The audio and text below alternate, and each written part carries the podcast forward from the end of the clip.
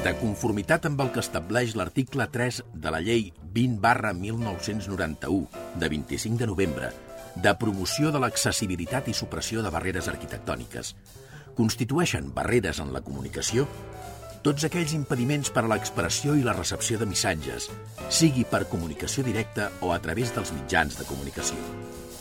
És per això que, emparant-nos en aquesta llei, volem que cada ciutadà gaudeixi del seu propi espai per moure's. Un espai sense censura. Un espai en què vosaltres sigueu els protagonistes. En definitiva, un espai per tothom. Benvinguts a Espai Vital.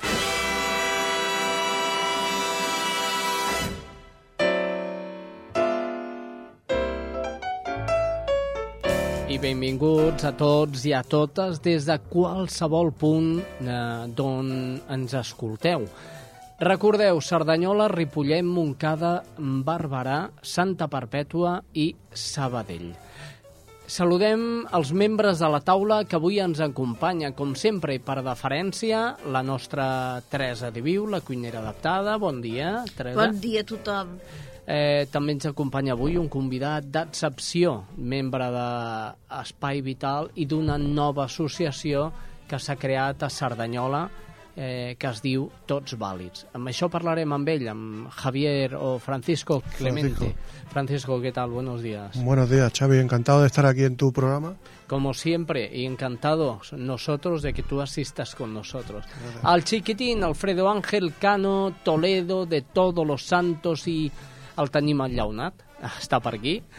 El Jordi Puy, els controls tècnics i qui els parla, un servidor, Xavi Casa. Això és Espai Vital.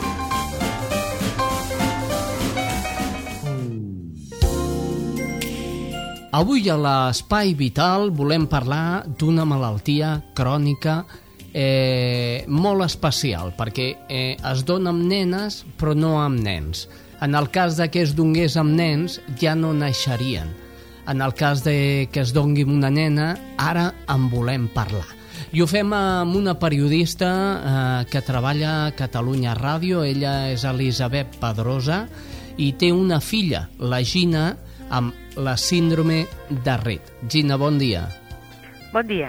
La, la Gina és, és la meva filla, que té 7 anys cap a 8 anys i efectivament pateix aquesta, aquesta malaltia que dius la síndrome de Rett que afecta majoritàriament a dones, com deies. Quines són, quins són els símptomes que presenta aquesta malaltia? Mira, la malaltia no, no es manifesta en el moment en què neixen, sinó que es manifesta pels vols de l'any o a vegades més tard, i normalment el que passa és que, o sigui, en el naixement tot va bé, però després eh, en l'evolució de la criatura veus que en lloc d'anar evolucionant cap endavant s'atura, la criatura deixa de fer les petites coses que havia adquirit i fa com una mena de regressió, no? I llavors doncs perd l'habilitat amb les mans, ja no arriben molts casos a caminar, a parlar, eh, té crisis epilèptiques, eh, tenen problemes d'escoliosi, de, és a dir, tenen una diversitat de problemes molt gran que fa que en la majoria de casos acabin sent persones doncs, eh, 100% dependents, no? És a dir, és una malaltia que, que es produeix en el creixement, no?, a lo llarg de, del creixement de la nena. Eh, sí, diríem que ja la porten escrit els gens, mm -hmm. però que va apareixent més tard, és a dir, no és evident, no? És una malaltia que, que afecta un, o sigui, eh, afecta més a nenes precisament perquè afecta la X i les dones al tenir dues X en tenim una que ens queda bé i l'altra diríem que està espatllada, no? Uh -huh. I llavors en el cas dels nens que només en tenen una, si no funciona doncs per això no sobreviuen. I que d'alguna manera, jo sempre ho explico amb un exemple molt senzill, que és eh, com si el director d'orquestra d'aquestes nenes, de la Gina, eh, que hauria de dirigir, no funciona, no? Llavors, tot i que els òrgans d'aquestes nenes estiguin sants, com que el director d'orquestra no pot dirigir perquè no, no funciona, doncs res no funciona, no? I el que us deia, doncs no poder caminar, no poder parlar, tota una sèrie de problemes que et limiten molt la vida, clar. Molt bé, suposo que la sensibilitat a l'hora de, de parlar d'aquest tema i de la teva filla, ara mateix la tens a flor de pell. Mm?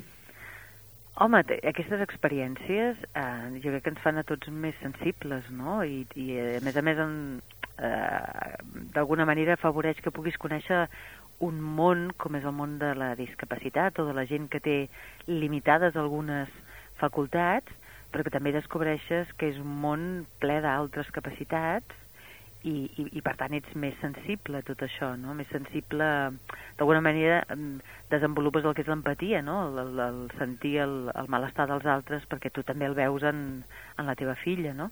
però sí que és una experiència que et fa més sensible. Una experiència que d'alguna manera eh, tu has compartit en la presentació d'algun dels teus llibres amb el Mario Serra, que de fet era, és una persona que, que també té la sensibilitat a flor de pell i més ara que el seu fill s'ha mort, bueno, que patia pluridiscapacitat i que aquí al programa ja n'hem parlat. Molt bé, eh, Elisabet, eh, un llibre. Eh, quants llibres has tret tu? Bueno, vaig escriure un llibre eh, fa anys ja amb un viatge al Brasil, amb una experiència de cooperació que es deia Fills de la Pluja, que era una mica la vivència a través dels correus electrònics, quan això del correu electrònic encara no es feia servir gaire, no? i que era la possibilitat d'estar fora de tenir comunicació amb la gent d'aquí, no? i era un recull doncs, d'aquestes doncs, comunicacions i d'aquesta descoberta d'un país diferent, no? treballant en un món molt bonic, que era el de, el de la ràdio comunitària de Brasil, no? que té un paper fonamental pel que fa a educació, pel que fa a tot. No? I aquell va ser un primer llibre eh, i el, el segon va ser aquest referit a criatures d'un altre planeta, de la Gina, i hi ha un tercer que l'estic treballant i que espero que no trigui molt a sortir, no? però que bueno, ja, ja en seguiré parlant d'aquest. Molt bé, l'objectiu d'haver fet el llibre Criatures d'un altre planeta suposo que, suposo que deu ser divulgar aquesta malaltia, no? Era divulgar la malaltia, en primer lloc, compartir aquesta experiència, donar veu a la gent que passava per això i que no havia donat veu, i després eh, també, evidentment, hi havia l'objectiu de, de recollir diners per la investigació. No? Al moment de saber que la Gina tenia aquesta malaltia, també vàrem saber que hi havia un equip de metges preparat per investigar, però que el problema era de diners. No? Mm. Llavors, normalment en malalties mm, que afecten de baixa freqüència, que n'hi diuen, costa trobar recursos, no? tot i que és una malaltia que és la segona causa de retard mental en nenes després de síndrome de Down, vull dir que afecta una de cada 15.000 nenes vives, no? Serien unes 300 a Catalunya. I llavors aconseguir els diners per això era tot un repte, no? I a través del llibre i diferents accions vàrem aconseguir fer una primera investigació, una segona està en marxa i n'hi ha projectada una tercera. Una malaltia reconeguda per la OMS. Sí, mm, aquestes malalties que afecten a poca gent, però que com a col·lectiu general passa a ser un col·lectiu gran i que jo sempre dic que encara que una malaltia afecti a poca gent, diríem que els drets a ser reconeguts, a que s'investigui la malaltia i a ser ajudats, tots els hem de tenir igual, no? Eh, per sort hi ha llocs doncs, com, com Sant Joan de Déu, com la Fundació de Sant Joan de Déu, que han apostat per investigar aquesta malaltia eh, i perquè algun dia doncs, hi hagi un, una solució a aquesta cruel malaltia. No? En quin moment està de la investigació? A veure, la investigació diuen els científics, els que hi entenen, que avança passes gegantines, que en molt poc temps eh, s'han descobert coses molt fonamentals, s'està coneguent encara la malaltia, com funciona, com actua, què afecta, i és esperançador pensar que fa relativament poc, en una investigació, es va descobrir que en el cas dels ratolins, si es, a través de manipulació genètica, si es revertia la, la, la malaltia, resulta que no hi havia afectació cerebral, no? i per tant el, els ratolins tornaven al seu estadi normal. No? Llavors vol dir que la malaltia no, és, no destrueix les neurones, sinó que les adorm, diríem. No? Llavors, la qüestió seria com activar aquest director d'orquestra que us deia abans, no? i aquí estan. L'únic que la investigació en ratolins, passar-la a persones, doncs clar, porta temps, i cal recursos, cal diners i cal molt esforç. -huh. Criatures d'un altre planeta. Ja la teniu, bueno, ja fa temps que el teniu a les llibreries del nostre país i eh, els diners que recauden amb la venda d'aquest llibre, diguem que eh, la part dels drets d'autor queda per eh, la, la malaltia, no, Gina? Sí, queda, queda per la investigació, no? Aquest 10% que, Mhm. de cada llibre Sí. va per la investigació íntegra i, i, i a través també del, del llibre doncs hi ha hagut gent que s'ha ofert i que sempre és, és eh, bo de doncs, algú que pensi una iniciativa interessant per recollir diners. Per exemple, eh, la, el dia 6 de novembre es farà un acte eh, amb un grup de circ a Can Felip, a Poble Nou, per recollir diners, i són aquests actes que és la gent que ha contactat amb nosaltres i que ha dit, mira, jo m'he llegit el llibre i vull mm, aportar el meu granet de sorra. I això que fem vull que serveixi per la síndrome de Ret, no? I així és que hem anat fent moltíssimes coses. Doncs, Elisabet, t'agraïm moltíssim que hagis atès els micròfons d'Espai Vital i t'animem a seguir fent coses d'aquest tipus i ajudant a la gent que, com la Gina, està patint la síndrome de Ret. Gràcies i bon dia. Gràcies a vosaltres.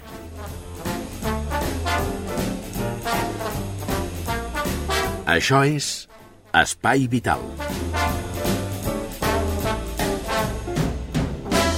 Sí, senyors, quasi 60 minuts, jo m'atreviria a dir... Va, siguem sincers. 50, 52, al, alguna vegada eh, ens passem a 53 minuts, però si més no, 60 minuts. Molt bé, eh, jo li deia al Francisco, que estava aquí amb mi xerrant fora micro, que porto un estrès una mica exacerbat, em sembla que es diu així perquè estem amb la preparació de la primera diada Espai Vital a Ripollet.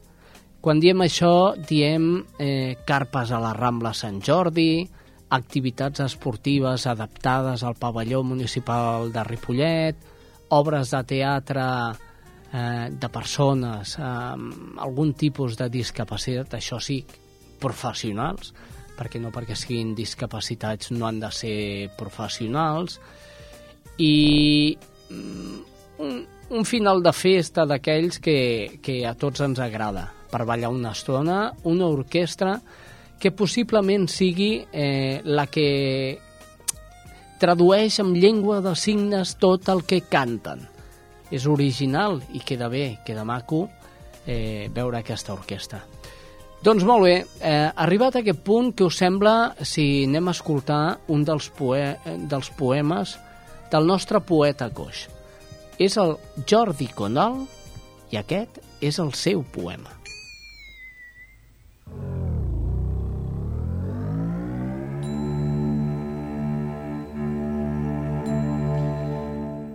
Hola, amics d'Espai Vital, hola, amic Xavi. Ja tornem a ser aquí amb una música sideral, màgica, extraordinària.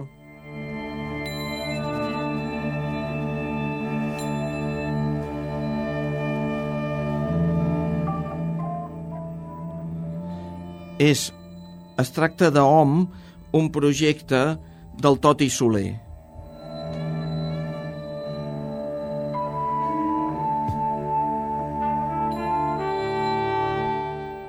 En aquesta peça, el Toti Soler toca el violoncel.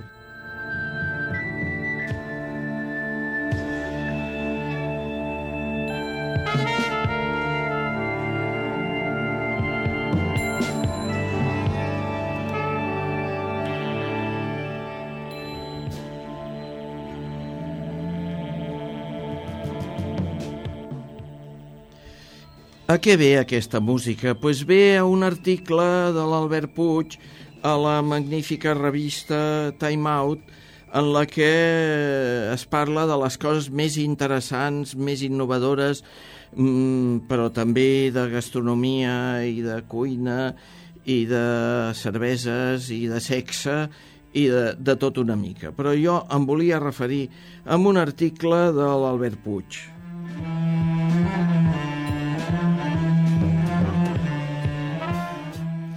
En aquest article, el nostre amic, antic company i persona que em va introduir a Cerdanyola Ràdio, opina que el panorama musical actual és molt més ric i els músics són, en saben molt més i són molt més tècnics i per això doncs s'està donant aquesta revifalla del rock en català i cantat en català.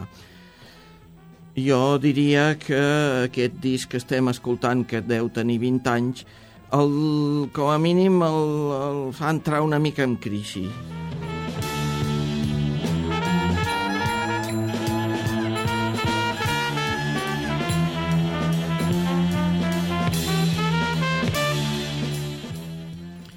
I ara anem a lo nostre, que és la poesia.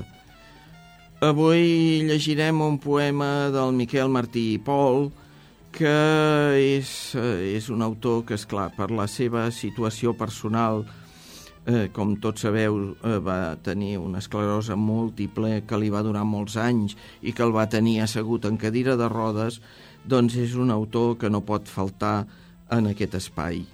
Aquest poema que anem a llegir és, és un poema d'un dels seus llibres escrit a l'any 78, quan feia vuit anys que ell sabia que tenia aquesta malaltia. És un, un poema que no, que no té títol.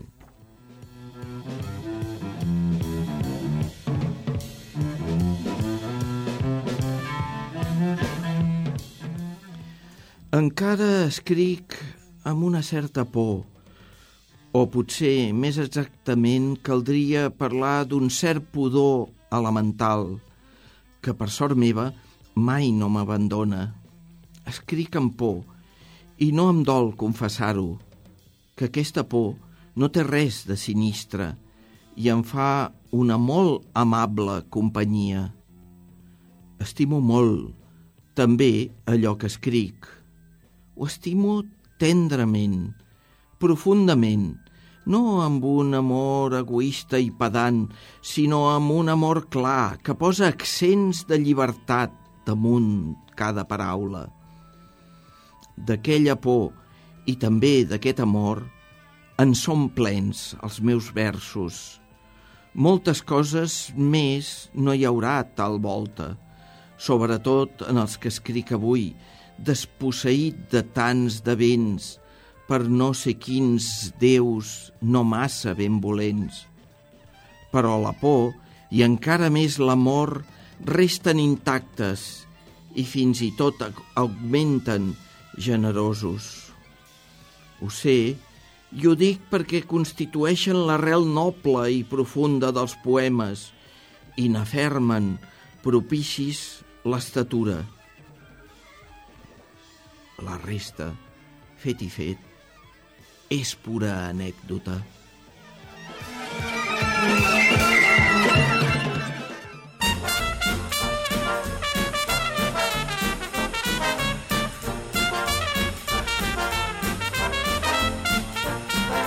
Espai Vital.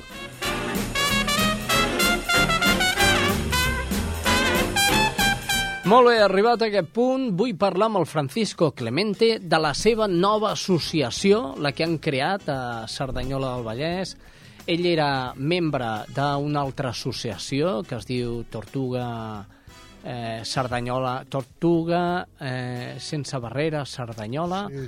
Associació eh? Tortuga Cerdanyola sense barrera. Ahà, ells, eh, dic ells, perquè no només ell, sinó ell i una altra persona que va amb ell, van decidir sortir d'aquesta associació. Doncs molt bé, marquem primer aquest tema. Explica'ns una mica què va passar.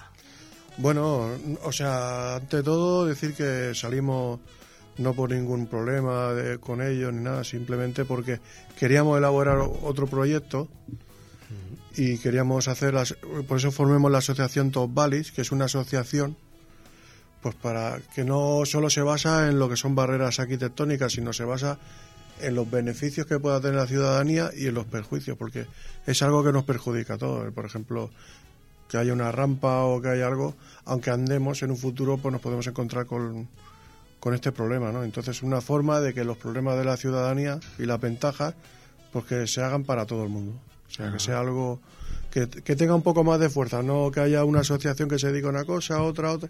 Es como crear diferentes culturas, algo que se separa. Queremos unir todo eso. La universalidad Exacto. de la discapacidad. Y de todo, y de, de, to de todas las cosas en general. De, bueno, la gente que, que tenga problemas con el trabajo, o que tenga un problema con el ayuntamiento por otra cosa, o... Por ejemplo, también estamos en Sardañola ahora trabajando con, el, con lo de la escuela de adultos, que no hay plazas, y queremos hablar con la regidora de allí de educación pues para ver que los colegios que están cerrados pues a ver si podían pasar para hacer en, las aulas eh, los estudios porque hay mucha gente que se ha quedado fuera y ahora como hay tanto paro pues la gente quiere prepararse y, y bueno. Vamos que no hay plaza claro y queremos que todo el mundo tenga la opción de, de poderse preparar si quiere no que no se quede fuera y sin trabajo sin estu sin poder estudiar y nada. O sea que trabajamos todos los todo, todas a mí me suena eh, asociación política. De las palabras que dices, sí, bueno, es un poco... Eh, eh, es otra forma de ver la política, porque, por ejemplo, yo si me presentara alcalde o a concejal o algo, tendría tanto, estaría tan pendiente de mi imagen y de mis cosas que dejaría de hacer cosas. Entonces, de esta manera, pues no eres nadie y puedes trabajar más tranquilamente y hacer lo que verdaderamente te gusta y, y siente, te sientes bien. Trabajar por los demás. Sí, por, por, los demás y por uno mismo en un momento dado, porque trabajando para los demás aprende uno cosas para el mismo. Em sorprèn que sortiu d'una associació eh, amb tot persones amb algun tipus de discapacitat física i passeu a una associació que es preocupa pa, pel poble i per les coses que passen al poble. Sí. Eh, ¿Qué ha fet aquest canvi radical? Mira, pues ya el nombre lo dice, Top Valis, todos valemos. Todos valemos para todo. O sea, que no significa que unos valen para una cosa y otra no, todos valemos. Entonces, pues es una buena forma de decir, mira, pues gente en silla de ruedas, pues no solo se dedican a, como en un gueto, ¿no? Queremos que la gente se acostumbre a hacer cosas con nosotros y es la mejor forma, yo creo, que de integrarse. Molt bé, i una de les coses per la que està lluitant és la mateixa que de fet està lluitant també Espai Vital. És la, la, de que l'Ajuntament de Ripollet assumeixi el bonotaxi. Sí, porque nosotros estuvimos luchando en Sardañola, al final lo conseguimos y hemos visto el beneficio como persona y, y, que se siente, ¿no? Porque, claro, a veces estar en una silla de ruedas no puedes coger el autobús, no puedes coger el tren, siempre tienes que estar pidiendo favor a la gente cuando no puedes co conducir tu propio coche porque por, por diferentes minusvalías. Y el tener la opción del bonotaxi, pues te hace sentirte bien como persona y autónomo. Es decir, me quiero ir a un sitio, no tengo que estar dependiendo de que me vayan a buscar o que falle la rampa. O...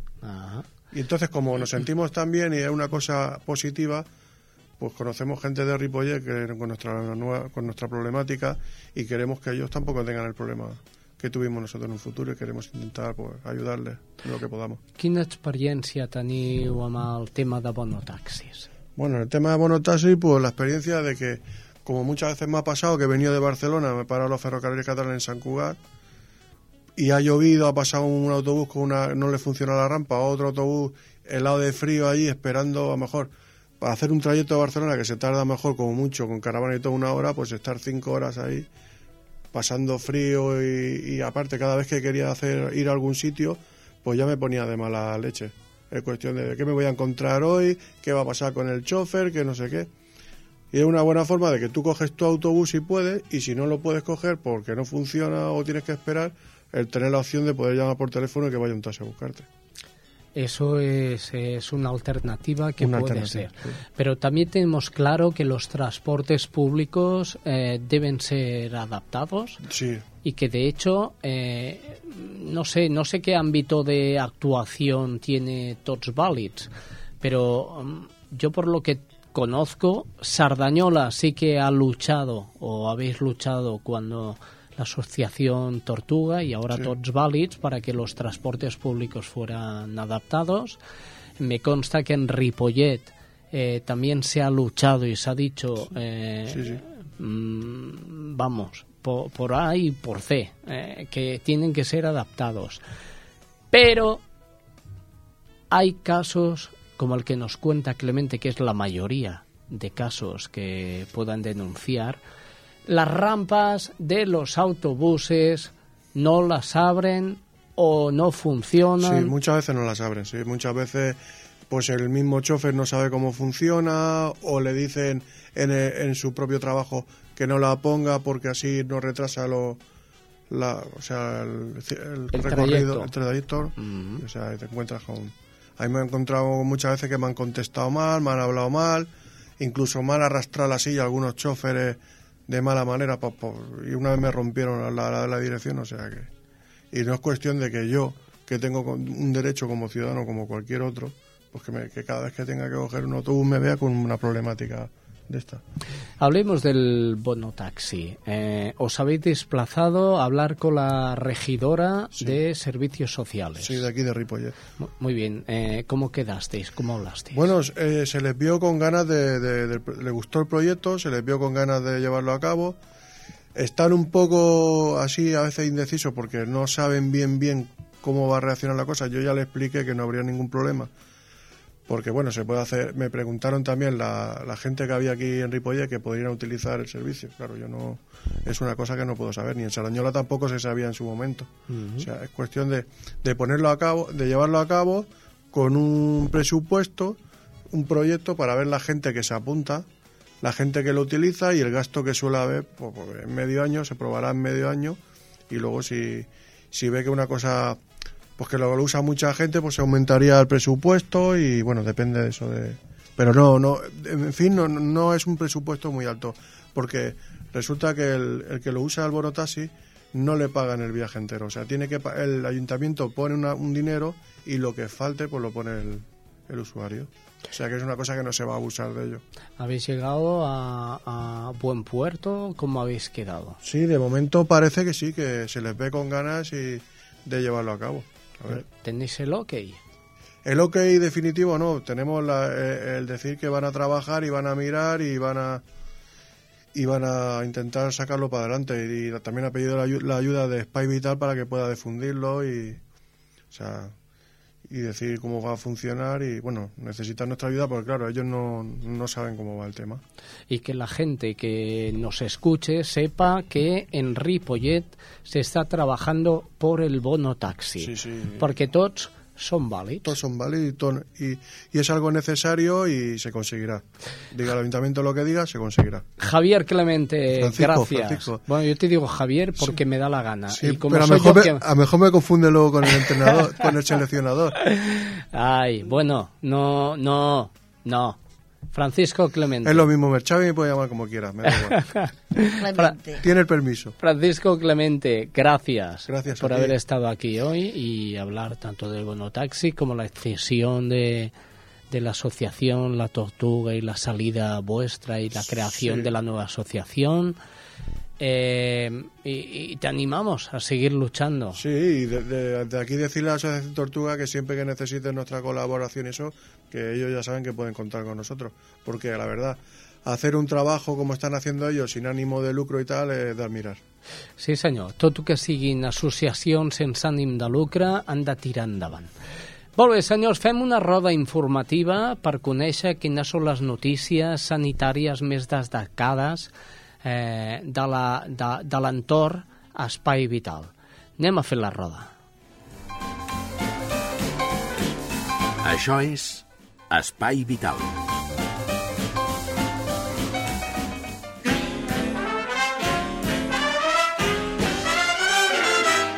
D'Espai Vital cap a l'Autònoma.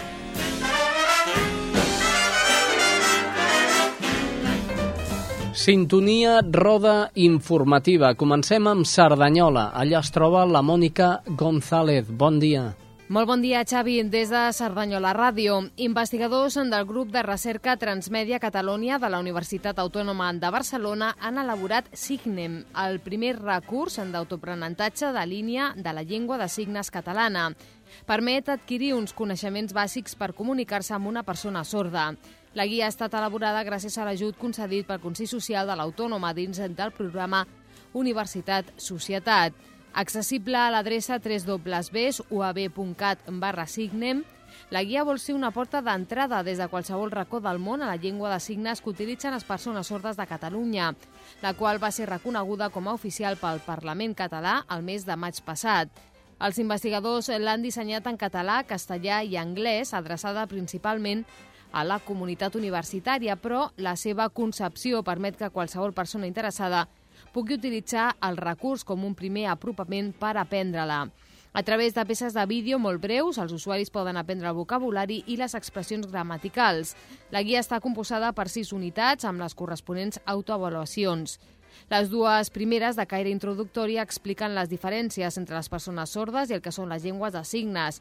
Tres unitats agrupen vocabulari i frases fetes d'utilitat per a molts àmbits de la vida quotidiana i l'última unitat es dedica a expressions més especialitzades en l'àmbit universitari. I això és tot el que us teníem que explicar avui des de Cerdanyola Ràdio. Gràcies, Mònica González. Des de Cerdanyola Ràdio anem corrent cap a Ripollet. Allà es troba la Laia Prats. Hola, Xavi. Avui des de Ripollet t'expliquem que segueix durant tot el mes de novembre el cicle Més Salut, organitzat per la Regidoria de Salut Pública de l'Ajuntament de Ripollet. L'objectiu és crear un espai de reflexió i coneixement entorn a alguns temes d'actualitat, com la prevenció del càncer de cèrvix, el bon ús dels medicaments, el cànnabis o el sexe. Una de les activitats previstes es durà a terme el dijous 11 de novembre al Cafetí Casal de Joves. Es tracta d'un taller a càrrec d'Irene Aparicio, psicòloga clínica del CAP 2 Cerdanyola Ripollet. Sota el títol Cànnabis, Realitat i Mites i adreçat a joves a partir de 15 anys, es parlarà del tema des d'una vessant educativa i sanitària, però d'una forma amena i engrescadora. Si voleu conèixer el programa complet, que finalitzarà el 2 de desembre, podeu consultar la web municipal ripollet.cat. I això és tot. Fins la setmana vinent. Gràcies, Laia. Anem cap a Montcada Ràdio. Allà la nostra amiga i companya eh, Sílvia Díaz eh, ens porta la crònica d'aquesta setmana. Hola, salutacions des de Montcada a l'Espai Vital, el centre de dia per a gent gran de Montcada i Reixac que està fent campanya per donar-se a conèixer entre la població. Es tracta d'un servei ubicat al casal d'avis del Parc Salvador Allende, que depèn de l'Institut Català d'Assistència i Serveis Socials i que gestiona una cooperativa. Fa uns dies el centre va fer una jornada de portes obertes per donar-se a conèixer entre la població i mostrar el seu funcionament. El de Montcada és l'únic de titularitat pública de la zona i dona una atenció integral a la gent gran treballant tant els aspectes físics com psíquics i també dona suport als familiars dels usuaris. Cada dia el servei organitza tallers per tal que la població que en fa ús pugui recuperar mica en mica la seva autonomia. El centre obre de dilluns a divendres, de 8 del matí a 8 del vespre, i té una oferta de 16 places amb 17 usuaris, ja que aquestes poden ser compartides. Per poder entrar al centre s'ha de tenir més de 65 anys o demanar un informe d'excepcionalitat i tramitar la llei de dependència. Actualment hi ha una llista d'espera de 10 persones i, segons els responsables del servei, farien falta més places o bé un altre centre de dia, ja que la llista d'espera és d'un any o any i mig. Cara l'any vinent es vol obrir els caps de setmana i treballar amb voluntariat per donar més oferta als usuaris. Doncs bé, això és tot per avui. Fins la setmana vinent. Fins la setmana vinent, Sílvia. I anem cap a Barberà. Allà es troba la Judit González. Salutacions des de Ràdio Barberà. El tinent d'alcalde de promoció econòmica de l'Ajuntament de Barberà del Vallès, Xavier Garcés, va participar en una reunió conjunta amb diversos regidors i representants de les àrees de promoció econòmica dels ajuntaments de Sabadell, Castellà, Polinyà, Sant Quirze, Santa Perpètua i Terrassa. L'objectiu de la trobada va ser fer el seguiment de les accions desenvolupades en el tercer any d'execució del Pla d'Innovació i conèixer el Pla d'Acció del 2011 del Clúster de Salut i el d'Alimentació. Des de principis del 2010 i fins al moment s'ha desenvolupat la tercera fase del Pla d'Innovació, traduïda en un treball de dinamització més intens que ha donat com a fruit línies de col·laboració entre centres de recerca i empreses vinculades a dos dels clústers detectats a la zona, salut i alimentació. En concret, el projecte centrat en les activitats empresarials relacionades amb la salut està liderat per Sabadell i compta també en aquest cas amb la participació de Terrassa com a setè municipi integrat en el projecte. L'altre clúster, que tracta les potencialitats de la indústria alimentària amb un pes important de la indústria auxiliar de l'alimentació, el coordina l'Ajuntament de Barberà del Vallès. Des de Barberà és tot. Fins la setmana vinent. Gràcies, Judit. I anem cap a Santa Perpètua. Allà es troba l'estrella Núñez. Salutacions des de Santa Santa Perpètua. La Fundació Banc dels Aliments de Barcelona durà a terme a tota la província una campanya especial als supermercats i mercats els dies 12 i 13 de novembre sota el nom de Gran Recapte d'Aliments. Aquesta campanya també es durà a terme a Santa Perpètua. A la nostra localitat, la campanya és organitzada conjuntament per la Fundació Banc dels Aliments i la Taula de Control Social de la Crisi amb la col·laboració de diverses entitats del municipi. L'objectiu és aconseguir recaptar 4.000 quilos d'aliments bàsics per fer-los arribar a les famílies més necessitades a través de Càritas Santa Perpètua i del Banc d'Aliments. Els dies 12 i 13 de novembre s'instal·laran taules a les portes dels diferents supermercats del municipi i del mercat municipal. Allà s'informarà sobre la campanya i es recolliran els aliments donats. Bàsicament es demana arròs, sucre, pasta, farina, llegums, llet i oli. El dissabte 12 de novembre, més a les 9 de la nit, les carpes del CIM organitzen un festival solidari amb actuacions en directe. La novetat és que l'entrada es pagarà amb l'entrega d'aliments bàsics per al gran recapte d'aliments. L'objectiu de la campanya és aconseguir a Santa Perpètua 4.000 quilos d'aliments bàsics. A més, també s'espera que hi hagi moltes persones, a part de les entitats, molts ciutadans que s'apuntin tant a fer de voluntaris com a participar en aquesta campanya, en aquesta campanya de la Fundació Banc dels Aliments, que tindrà lloc els dies 12 i 13 de novembre. Des de Santa Perpètua, això és tot. Fins la setmana vinent. Gràcies, Estrella Núñez, Santa Perpètua de la Moguda, i anem a veure què passa a Sabadell. Allà es troba la Karen Madrid. Salutacions des de Sabadell. Les noves dades sobre els infectats del VIH demostren que s'ha estancat el nombre de persones afectades pel virus a la comarca. Durant el 2009 se n'han detectat 42 nous casos, que se sumen als més de 500 registrats en els últims 10 anys. Des d'Actua Vallès, però, lamenten que la majoria d'infectats descobreixen que tenen el VIH quan ja fa entre 8 i 10 anys del contagi, i ho fan quan ja han desenvolupat diverses malalties i els metges que en desconeixen l'origen acaben fent-los la prova. Pel que fa als afectats afectats pel virus al Vallès Occidental, la majoria són homes d'entre 25 i 44 anys que van entrar en contacte amb el VIH a través de relacions heterosexuals sense preservatiu. Per tant, es trenca doncs el fals mite que apunta als homosexuals, els toxicòmens o les prostitutes com a únic col·lectiu en risc. Això és tot des de Sabadell.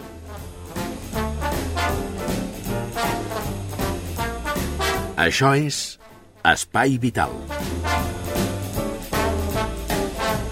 Ara sí, ara toca la superproducció que hem realitzat del llibre Desaparecida, una vida rota por la sensibilitat química múltiple. Eva Cavaller és la que ha fet aquest llibre. L'editorial és editorial El Viejo Topo. I la producció de, del llibre en format radiofònic l'hem fet nosaltres, Espai Vital és el sisè capítol que ja sona aquí, a l'Espai Vital. Escoltem-lo. A continuación les ofrecemos Desaparecida, un libro sobre la sensibilidad química múltiple. Desaparecida, un libro de Eva Caballé escrito en primera persona y llevado a la radio de la voz de Luisa Blanca con la producción de Spy Vital.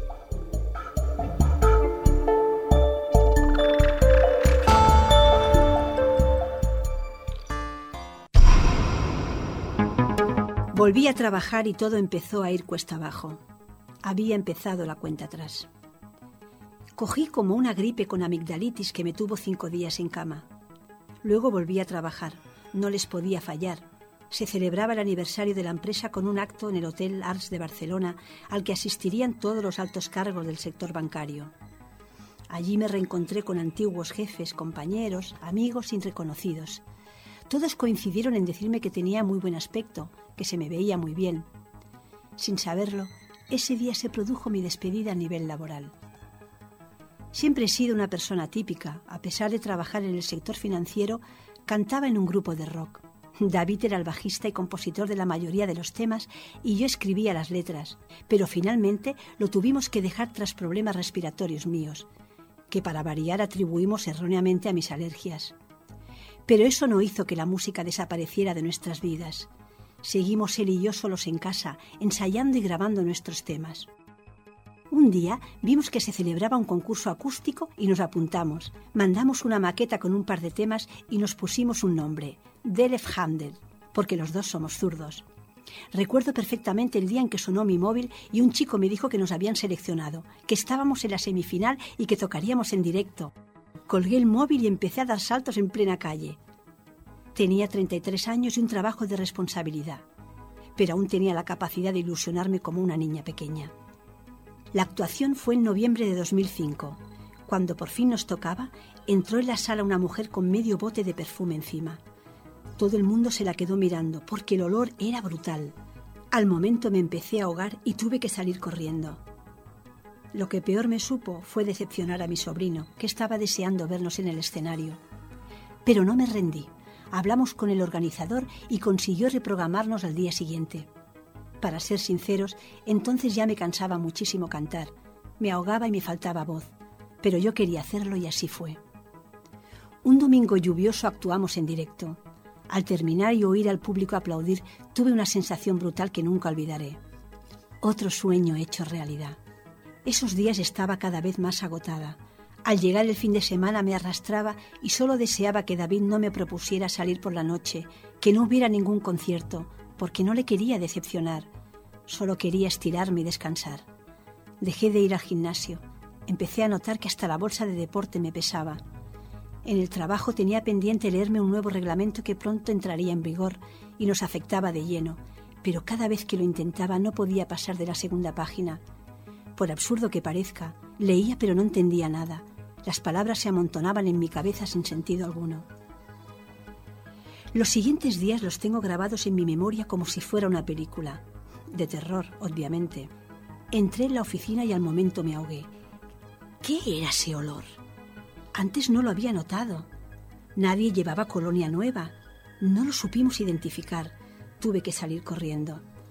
No tomé ningún antihistamínico porque por la tarde tenía mis pruebas de alergia anuales y además al salir a la calle el aire helado parecía que me ayudaba a respirar. Cuando fui al alergólogo me hizo la espirometría y dijo que tenía la capacidad pulmonar muy baja.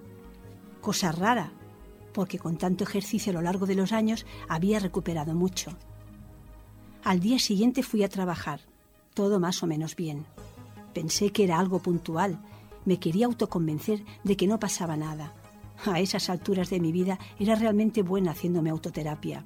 Tantos años con alergias te hacen fuerte y te templan los nervios. Pero la calma no duró. El 1 de diciembre llegué tarde porque me estuvo sangrando mucho la nariz, cosa normal en mí. Al rato me empecé a ahogar, pero no notaba nada. Me limpié la nariz y otra vez ese olor. Como había estado más rato expuesta que el otro día, los efectos fueron más fuertes. Salí corriendo, el aire no me entraba y notaba el cuello muy hinchado, como si una mano invisible me estuviera asfixiando. Llamé a David asustada. Por suerte trabajaba cinco minutos de mi oficina y no tardó nada en llegar. Yo me había tomado un antihistamínico que no me había causado ningún efecto, pero al estar en la calle poco a poco fui respirando un poco mejor, lo mínimo para sobrevivir. Fuimos a casa y después de una ducha nos estiramos en la cama para descansar. No te preocupes. Descríbeme ese olor y yo averiguaré qué es lo que te está matando. Me dijo David con su temple habitual. No lo sé muy bien. Parece melocotón rancio, como esa colonia que hace años me asfixia. O como una madera muy fuerte. Lo siento, no sé cómo describírtelo mejor. Le contesté muy nerviosa por lo sucedido mientras no dejaba de admirar cómo él afrontaba las situaciones complicadas y su capacidad para tranquilizarme. Entonces David fue a mi empresa a hacer de detective. Tengo que decir que allí el apoyo fue total. Desde el primer día que esta pesadilla empezó, tanto mi jefa como el director de la empresa estuvieron totalmente a mi lado, ayudándonos en todo lo que pudieron. También mis compañeros. Nunca nadie dudó de lo que me pasaba era real. Si algunos de los médicos que me visitaron a lo largo de los dos años que estuve buscando diagnóstico se hubieran tomado la molestia de conocerme, nos podríamos haber ahorrado todas las tonterías que he tenido que aguantar. Finalmente encontraron al culpable. En verano habían cambiado el personal de la limpieza y por error estaban limpiando toda la oficina con un ambientador industrial sin diluir.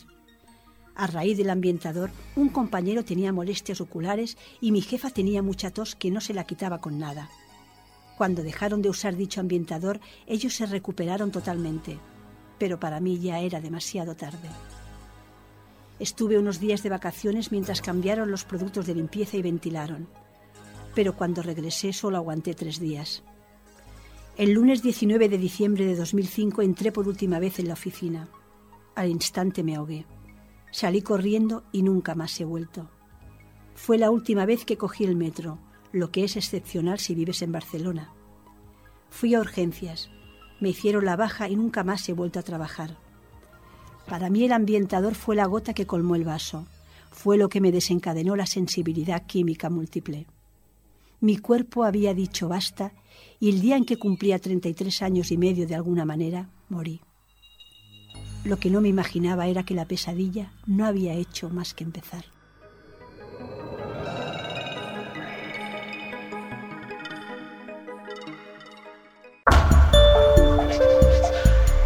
Y hasta aquí, Desaparecida. Un libro sobre la sensibilidad química múltiple. Desaparecida. Un libro de Eva Caballé escrito en primera persona y llevado a la radio de la voz de Luisa Blanca con la producción de Spy Vital. Desaparecida. Un libro de la editorial El Viejo Topo.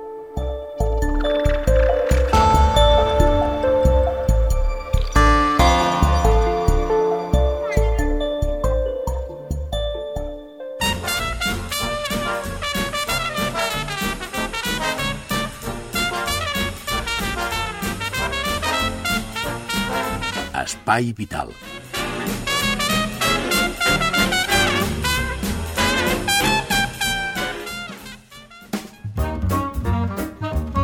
Senyors, aquí la tenim, la sintonia de la cuina adaptada de la Teresa Diviu. Diviu, què ens portàs avui?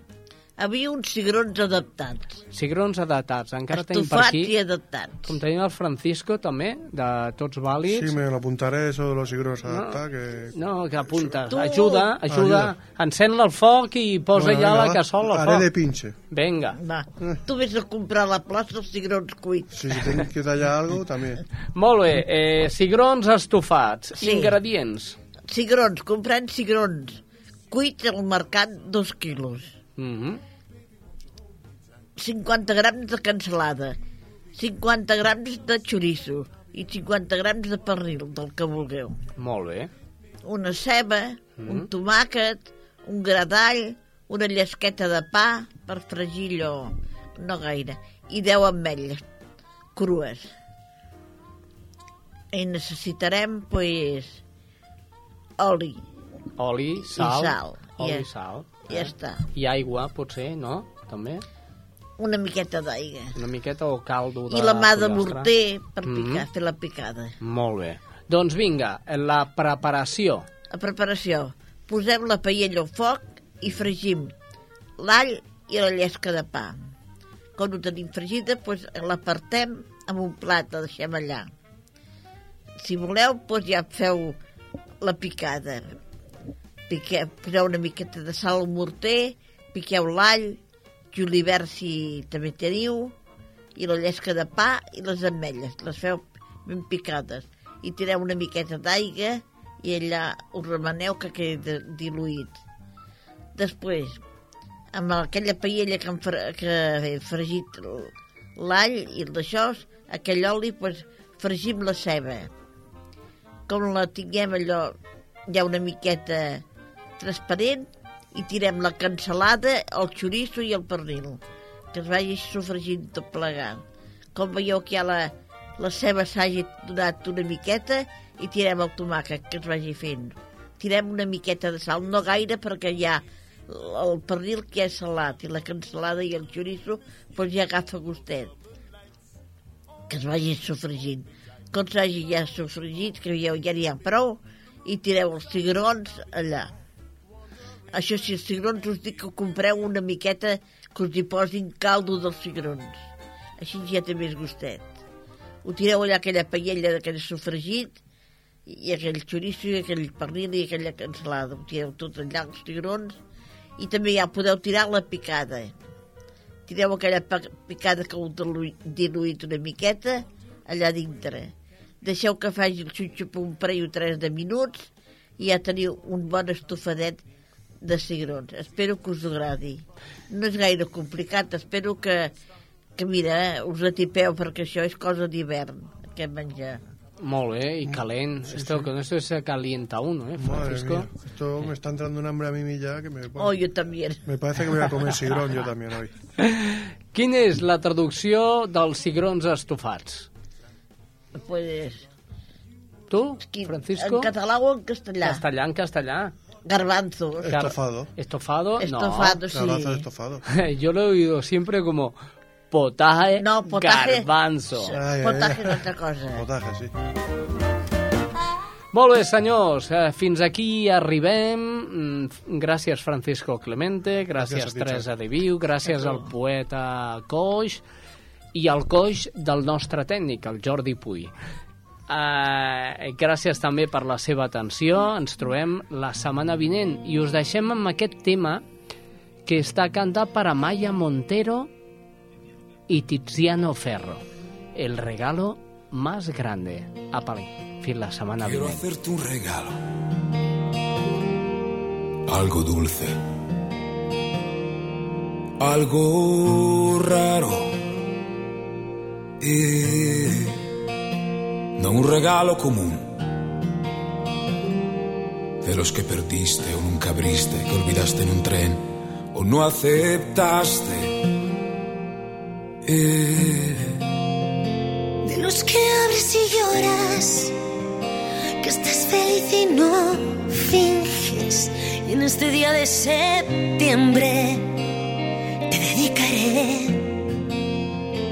regalo más grande. Quiero entregar tu sonrisa a la luna y que de noche quien la mire pueda pensar en ti, porque tu amor para mí es importante y no me importa lo que diga la gente porque Aún en silencio sé que me protegías y sé que aún cansada tu sonrisa no se marcharía. Mañana saldré de viaje y me llevaré tu presencia para que no se vaya y siempre vuelva. Regalo más grande, mi regalo más grande. Eh, eh, eh. Yo quiero que me regales un sueño escondido o nunca entregado.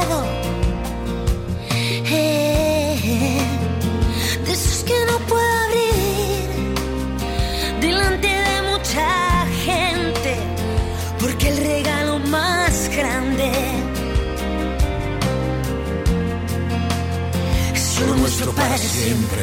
Quiero entregar tu sonrisa a la luna y que de noche que la mire pueda pensar en ti, porque tu amor para mí es importante y no me importa lo que diga la gente, porque Aún en silencio sé que me protegías y sé que aún cansada tu sonrisa no se marcharía. Mañana saldré de viaje y me llevaré tu presencia para que entiendas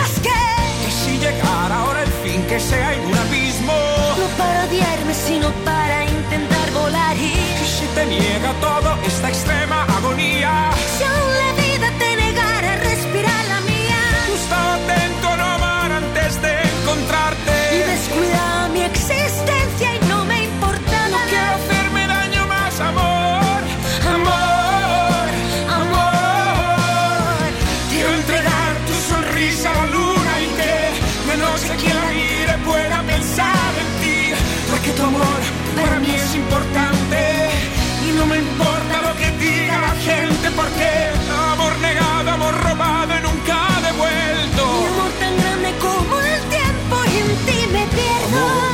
habla con tus ojos aquí enfrente. Eres tú, eres tú, eres tú, eres tú, eres tú, eres tú. El regalo más grande.